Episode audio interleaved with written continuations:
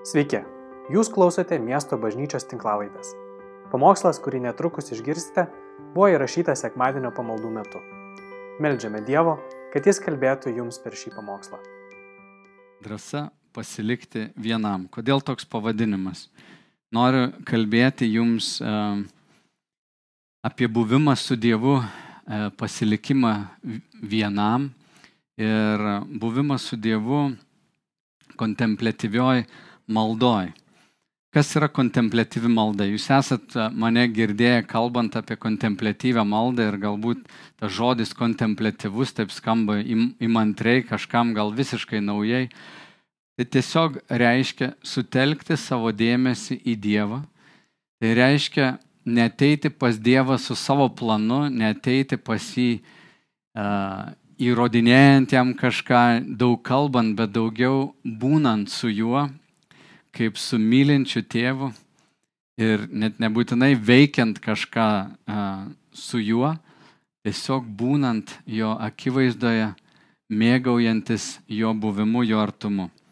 A, kontemplatyvi malda turi tokius tris aspektus. Vieną ramumą arba neveikimą, kitas yra vienuma, o, o trečia dalis yra tyla, tylėjimas. Ir dažniausiai tai reiškia atsiskyrimą, sustojimą. Šiandien gal net ironiškai kai kuriem iš jūsų skamba, jūs sėdit namuose vieni ir jūs išsilgę, negalit pakęsti daugiau būti vieni ir norit kalbėtis, eiti, bendrauti, išsišnekėti, gerti kavą, būti su bendradarbiais ir taip toliau, pavargot nuo ekrano, aš suprantu. Bet aš nekalbu apie vienatvę. Vienatvė yra vidinė tuštuma. Vienuma, tas atsiskirimas yra vidinė pilnatvė. Buvimas su Dievu visada užpildo, niekada neapvagia. O išmokti būti su Dievu mes turime išmokti pastebėti ir mokytis, atpažinti, kas vyksta mumise. Netgi kai kalbėjau apie tuos tipus, apie enegramą, tai irgi yra būdai pamatyti mūsų tą drivą gyvenimo, tą energiją, kuri mus veržia judėti ir gyventi ateityje arba praeityje ir prasilenkti su Dievu, kuris yra čia dabar. Mes norim kažko rytoj tenais, mes norim kažko užpildyti savo vidų. Ir tik vienas Dievas gali tai padaryti dėl mūsų. Richardas Fosteris, kuris parašė um, knygą um, Dvasinės pratybos, yra pasakęs tokius žodžius. Tylėti yra taip sunku todėl, kad jaučiamės tokie bejėgiai Esame labai pripratę pasikliauti žodžiais, kuriais galime kontroliuoti kitus. Jis tęsia toliau. Jei tylėsime, kasgi imsis veikti? Veikti imsis Dievas, bet veikti jam neleisime tol, kol neišmoksime pas, juo pasitikėti. Tyla intimiai susijusi su pasitikėjimu. Taigi tyla kaip viena iš kontemplatyvaus gyvenimo vienumos tokio gyvenimo dalis yra labai giliai susijusi ne tiesiog su tokiu atsisėdimu kėdėje ir patilėjimu, bet su buvimu Dievo akivaizdai pasitikint, kad viešpats veiks, kad jis judės. Dievas yra meilė ir mes galime pasitikėti juo. Tyloje Dievas padarys dėl mūsų tai, ką mes norėtumėm padaryti patys dėl savęs. Labai dažnai net norim kažkaip kontroliuoti kitus, mes norim veikti žodžiais, savo veiksmais, kurti pasaulį, jį, jį tvarkyti, reguliuoti, save, kitus, aplinką.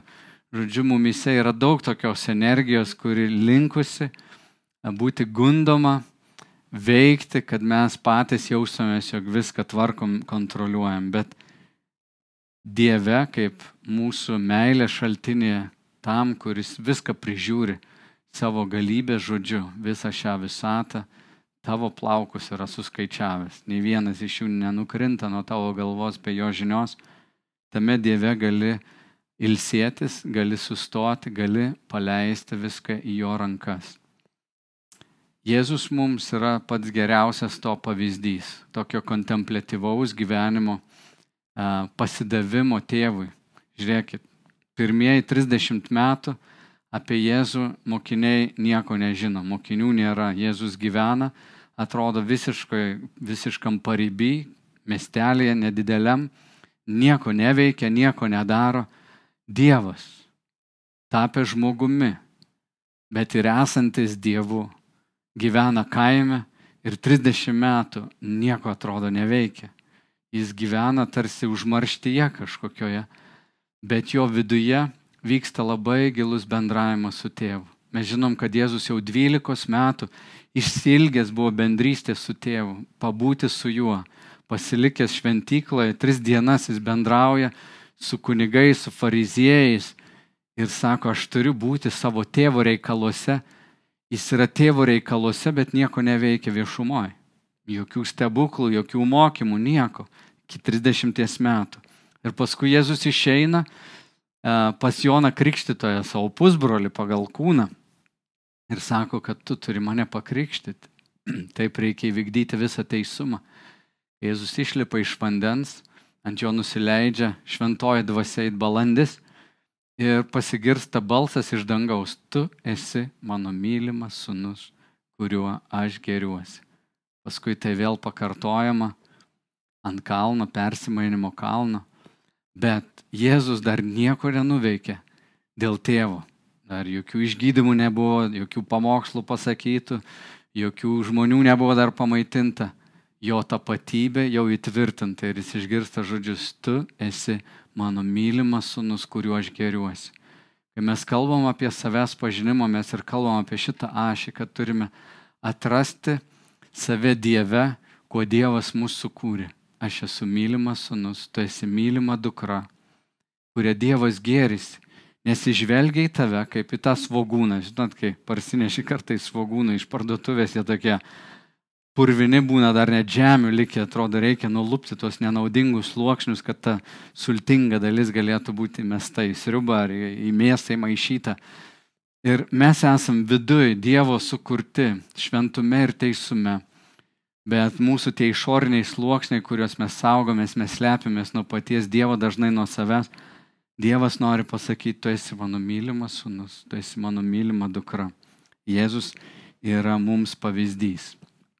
Ir štai a, didysis gyvenimo gundimas. Ir aš noriu pailustruoti jums, kaip Jėzus buvo gundomas panašiai ir mes būsime gundomi. Mato ketvirtam skyriui, mato Evangelijos ketvirtas skyrius, nuo pirmos eilutės yra pasakyta. Tuomet Jėzus buvo dvasios nuvestas į dykumą, kad būtų velnio gundomas. Dykuma bažnyčios gyvenime, dvasinės kelionės gyvenime visada buvo labai reikšmingas dalykas. Nebūtinai tiesioginė prasme dykuma. Tai pirmieji bažnyčios tėvai ketvirtam amžiuje išėjo į dykumą. Žinot kodėl? Todėl, kad bažnyčia tapo tokia komerciška, žmonės iš mados pradėjo eiti bažnyčią ji tapo oficiali Romos imperijos religija. Ir pirmieji bažnyčios tie tėvai arba dykumų tėvai išėjo į dykumą, išėjo tarsi iš Egipto, iš tos aplinkos, kur daug informacijos, daug visokių gundimų, daug visokių uh, trukdžių atrodo. Bet jie būdami dykumoje sakė, mes išėjom tarsi iš Egipto, bet Egiptas turi išeiti iš mūsų. Ir aš nesakyčiau, kad dykuma yra uh, mums tokia vieta, kur mes turėtumėm būtinai pabėgti kažkokią mums nepažįstamą vietą ir užsidaryti. Trumpam laikui gal ir galim tai daryti, bet šiaip mes galime e, sustoti ir turėti stoteles savo dienoje, netgi trumpus, trumpu, trumpus momentus kažkokius sustoti ir pabūti dikumoje, kur esam gundomi ir atpažįstam tą gundimą ir galim priimti viešpaties veikimą. Dikuma yra iš tiesų vieta, kur Dievas susitinka su mumis, mes susitinkame su juo. Kartais tai įvyksta per aplinkybės kažkokias sunkes netektis, pašlyjusius santykius ir panašiai. Bet mums reikia dvasios teikiamos drąsos eiti į dykumą, nes mūsų tas senasis aš, jis, jis piriojasi visais būdais, jis nori užpildyti akis, ausis, savo kūną malonumais, kad tik nereiktų kažkur atsiskirti ir intuityviai mes nuo to bėgam. Taigi pirmasis toks gundimas, kurį Jėzus pas, pa, patyrė, buvo susijęs su tuo, kad tu esi tai, ką tu darai. Klausimas tau, Ar tavo tapatybė remiasi tuo, ką tu darai? Ar tu gali įsivaizduoti savo gyvenimą, jeigu tu dabar nieko nebedarytum arba a, kažkur pakeistum savo veiklas, ar tu galėtum tai padaryti, ar tu galėtum sustoti? Kartais lyderiams, a, įmonių vadovams kelia panika šabo šventimas, sustoti savaitgalį ir nieko neveikti. Bet tai yra gundimas. Ir Jėzaus gyvenime, toj dikumoje, kai šventoji dvasia nuvedė jį, kad jis būtų gundomas, būtų patikrinamas ir kad jo pasitikėjimas tėvų ir jo veikimu būtų išbandytas, lygiai taip pat ir tavo, mano tikėjimas, santykis su tėvu bus išbandytas. Ir tame pirmame gundime pasakyta, kad prie jo prisertino gundytojas ir tarė, jei tu Dievo sūnus, liep, kad šie akmenys pavirstų duona. Liep, kad šie akmenys pavirstų duona. Padaryk kažką, kad įrodytum tai, kas esi. Jeigu tu Dievo sūnus, jeigu tu esi vertingas, moralus, geras žmogus, įrodyk tai, padaryk kažką. Na savo darbais. Veik, eik, judėk, statyk, daryk. Ir tai yra gundimas pastatyti tapatybę ant to, kas gali būti sudrebinama. Vienintelis dalykas, kuris nebus iš tavęs atimtas, yra pastovi Dievo meilė. Ant to turi statyti savo tapatybę.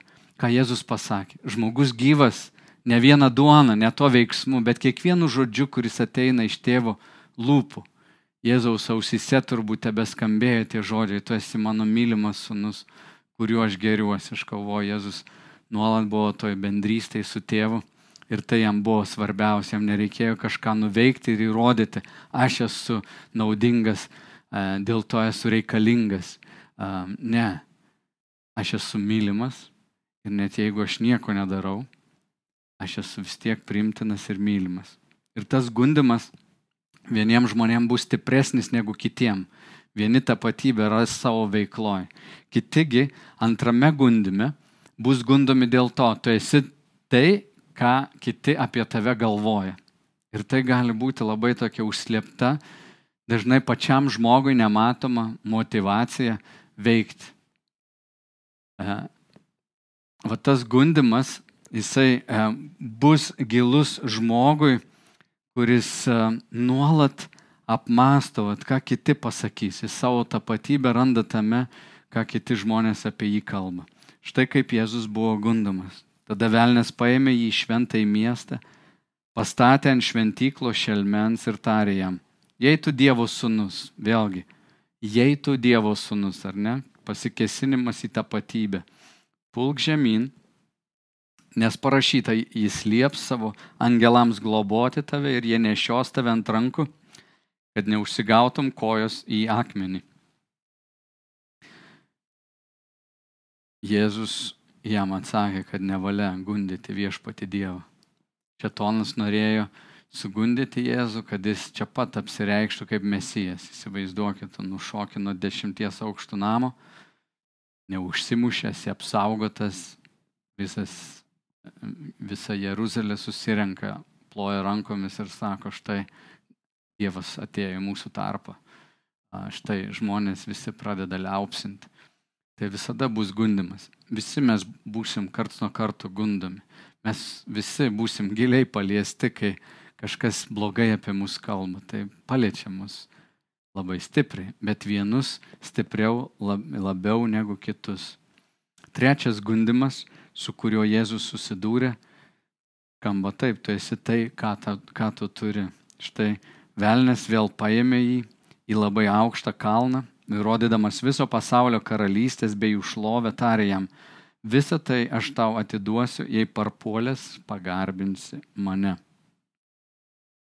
Aš tau duosiu turtų, aš tau duosiu šlovę, tavo tapatybė bus Tu esi turtingiausias, galingiausias žmogus, tu tik pagarbink. Ir Jėzus sako, nevalia viešpati Dievą garbink ir jam vienam te tarnauk.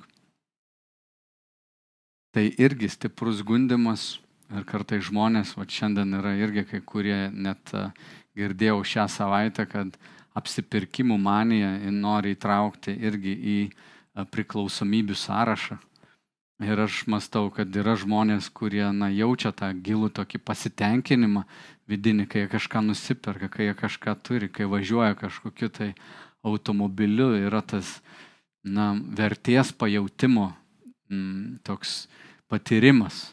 Aš esu tai, ką aš turiu, pasižiūrėkite į mane.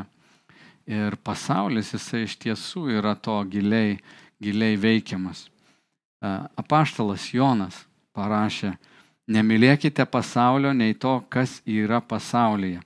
Jei kas myli pasaulį, nėra jame tėvo meilės, nes visa, kas pasaulyje, tai kūno geismas, akių geismas ir gyvenimo išdidumas. O tai nėra iš tėvo, bet iš pasaulio. Praeina pasaulis ir jo geismai, bet kas vykdo Dievo valią, tas išlieka per amžius. Čia vėl tos trys pačios sritis iš tiesų tavo akis, tavo, tavo kūno ir gyvenimo puikybės klausimas. Tie patys dalykai, kurie užkabins mus giliai ir sakoma, jeigu tu myli pasaulį, tu negali mylėti tėvo. Ir krikščionybėje kartais matai, mes savo gyvenime tai matom, kad mes norim ir Dievą turėti, tokį Dievą fainai, kad tu esi ačiū, bet gal tu man net padėsi susitvarkyti ir turėti daugiau. Mes žinom, tarkim, toks kraštutinumas būtų klėstėjimo evangelija. Tu įtiki Dievą, Dievas tau duoda išgydymą, Dievas tau duoda turtų ir tai tampa siekiamybė.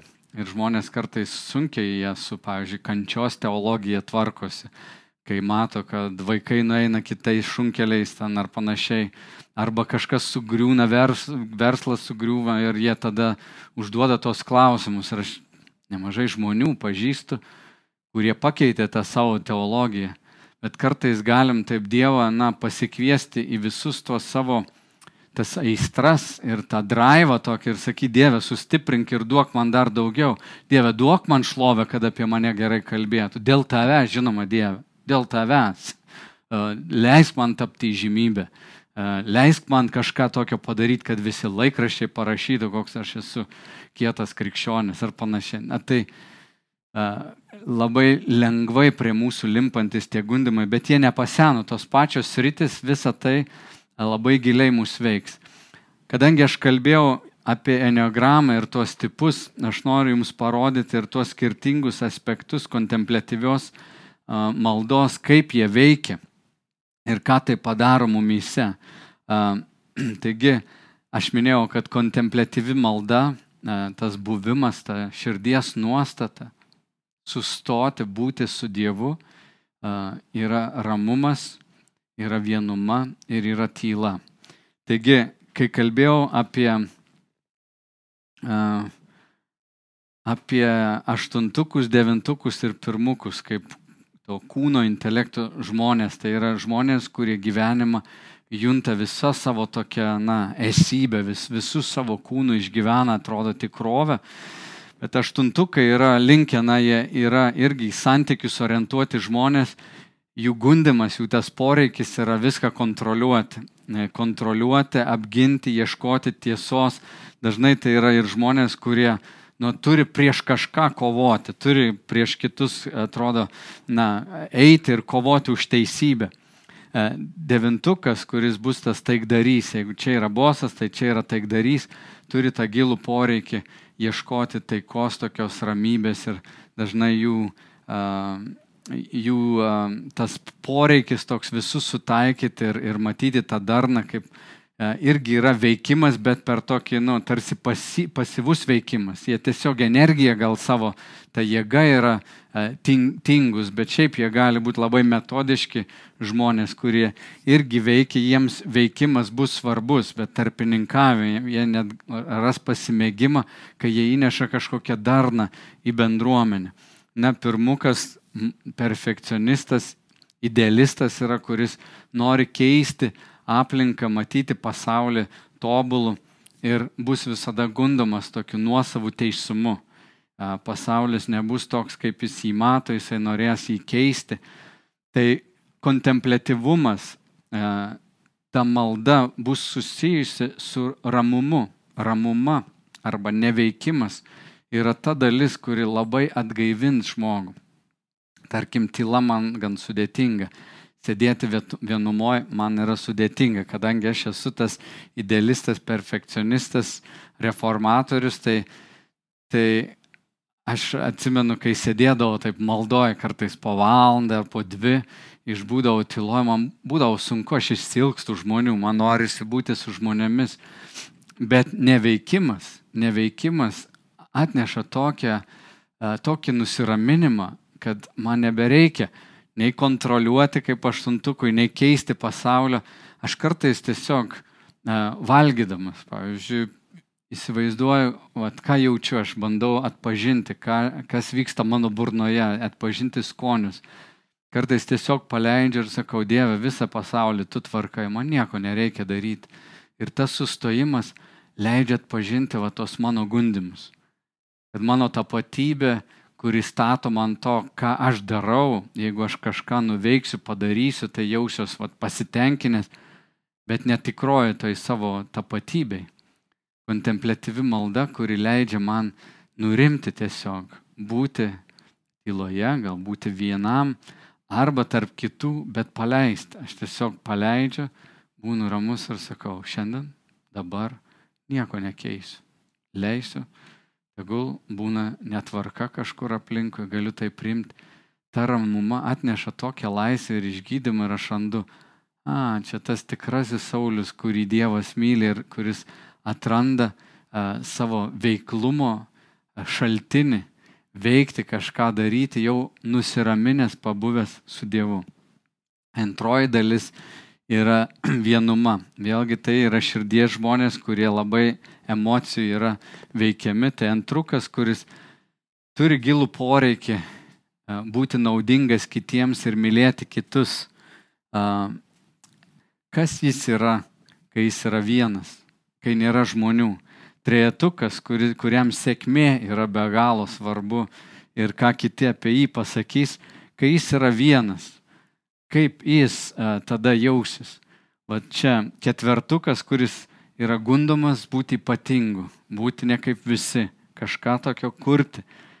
Ir jam būnant vienam, kuris nori išorėje atrasti pasitenkinimą, kai jis yra vienumoje, toj kontemplatyvioj maldoje, tokiam buvime su Dievu, yra vienas Ir kai nebegali pasimaitinti kitų žmonių emocijom, kitų žmonių atsiliepimais, kitų žmonių įtaka, kada jis nieko neatsako, jis nėra vertinamas dėl to, ką jis padarė kitų, nieks apie jį nekalba, tai neša tokį išgydymą. Ir iš tikrųjų visa, ko mums reikia, yra pats Dievas, kuris savo šventąją dvasę gyvena manyje. Taigi, kai kalbam apie tą sustojimą, savo dėmesio sutelkimą į Dievą, savęs pažinimo kelionė labai svarbi dalis va šitai grupiai žmonių būtų vienuma. Tai tikrai atgaivins juos. Na, o trečioji grupė tai yra žmonės, kurie gyvena stipriai labai minčių pasaulyje. Jeigu penketukas, tas stebėtojas, ieško nuolatos atsakymų, renka informaciją, jisai dėlioja savo pasaulį ir jisai na, yra gundomas godumu turėti tos informacijos, turėti atsakymą į viską, kai jis leidžia savo protui nutilti ir pasilikti tame slėpinyje, tame ir nežinojame ir leidžia Dievui tuo metu kalbėti, nerinkti informaciją apie Dievą, bet leidžia Dievui kalbėti jam. Arba šešetukas, kuris išgyvena nuolat baimę ir nerimą ir dėlioja alternatyvas, kaip užtikrinti geresnę ateitį kada jis nutyla ir leidžia savo protui nurimti, nutilti ir būti tyloje, jis atranda, kad Dievas jį nuramina ir užtikrina. Ateitis mano rankose, sunau dukra. Aš pasirūpinsiu tavo situaciją. Tau nereikia sugalvoti septynių planų. Tau nereikia bėgti nuo tos baimės, tu gali ateiti su tą baimę pas mane. Ir va tokioj pozai, būdamas tiesiog prieš Dievą, tyloje, leisti protui uh, išgirsti, ką Dievas nori pasakyti. Na, septintukai, kurie nuolat ieško pramogų, nuolat ieško galimybių užpildyti dažnai savo skausmą, uh, uh, kažkur veikdami irgi judėdami labai stipriai, tai jiems tyla yra išgydymas atrasti Dievą, kuris ateina ir nuramina ir sako, viskas bus gerai, viskas bus ok. Kada jis leidžia būti tyloje ir leidžia Dievo žodžiui kalbėti jam. Ne, nebandant ieškoti pramogos, nebandant ieškoti išoriai pasitenkinimo. Kontemplatyvi malda, jinai visada mus atves į atpažinimą tų gundimų arba tos piktojo energijos, kuriais jisai nori mus įtraukti į tą kitą tikrovę, vat, kad aš turiu veikti, aš turiu žiūrėti, ką kiti pasakys, aš turiu kažką užsidirbti, kažką įsigyti, kažką turėti. Tai yra gundimas, kuris niekada ir nesibaigs. Bet kai mes atpažįstame piktojo strategiją ir kur jisai mus labiausiai pagauna, tai vad kontemplatyvi malda, tokio tylos buvimo malda, jinai yra mums atgaivinimas. Klausimas tau, ar pastebėjai Dievo kvietimą? Kur tu savo gyvenime matai kvietimą? Nes šventoji dvasia nuvedė Jėzų į dykumą. Šventoji dvasia tave būtinai nuves į dykumą. Kartais mes kelionėje būdami norim nuolat, nuolat, nuolat veikti. Nuolat norim kažką dėl Dievo padaryti.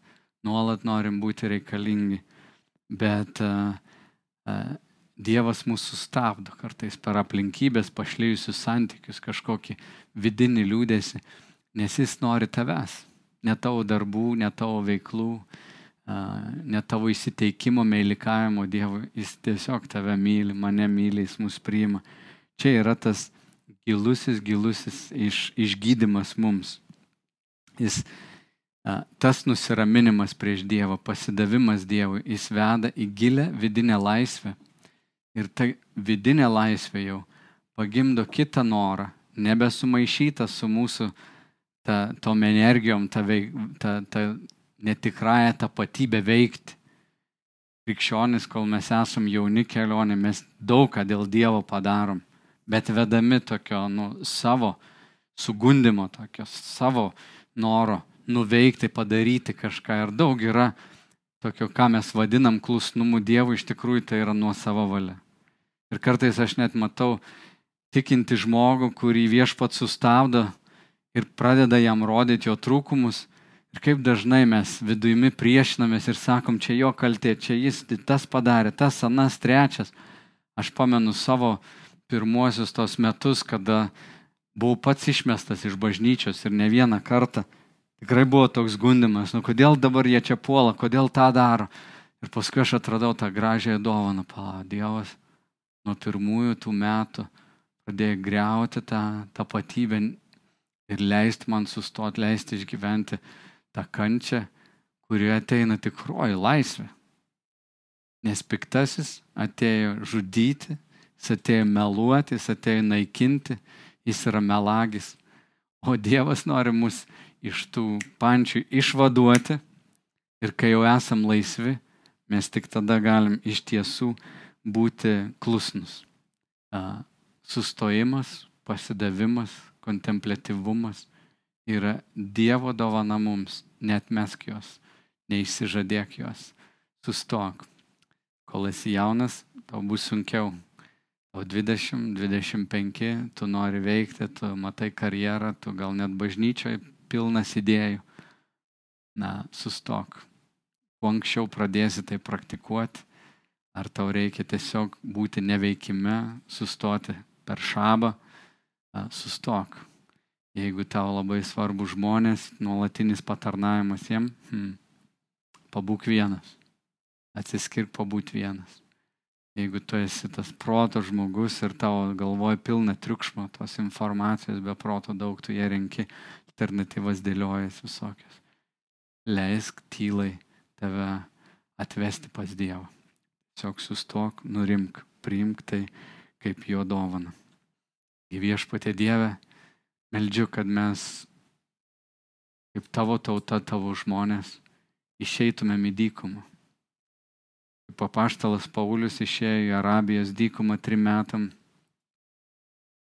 matom Petrą užlipant ant stogo, tiesiog būnantį, praleidžiantį laiką vienumoje, tyloje. Išmokyk viešpatė mūsų gyvenimo ritmų, sustoti ryte, kad ir trumpam keliom minutėm sustoti dieną, pajusti skonį, užuosti kvapus, pamatyti akis, kurios į mus žvelgia, pamatyti tave, ugdyk mūsų pastabumą. Mes viešpatie išgyventumėm tą tikrovę ir atpažinę save, savo tos silpnasias pusės galėtumėm ateiti per tą savo sužeistumą prie tavęs ir būti pagydyti, būti atnaujinti, patapti panašus kaip tu Jėzu. Įvesk mus kaip bažnyčia ant to kalno per naktį pabūti vieniems, atsiskirti tolumoj. Meldžiu viešpatį Jėzų, tos tavo malonės į tą artimą bendrystę su tavimi. Ir kas pritarėt ir tikit tuo ir sutinkat, pasakykit amen. Ačiū, kad klausėte. Daugiau informacijos apie miesto bažnyčią rasite internete www.m-b.lt arba Facebook, Instagram bei YouTube paskiruose.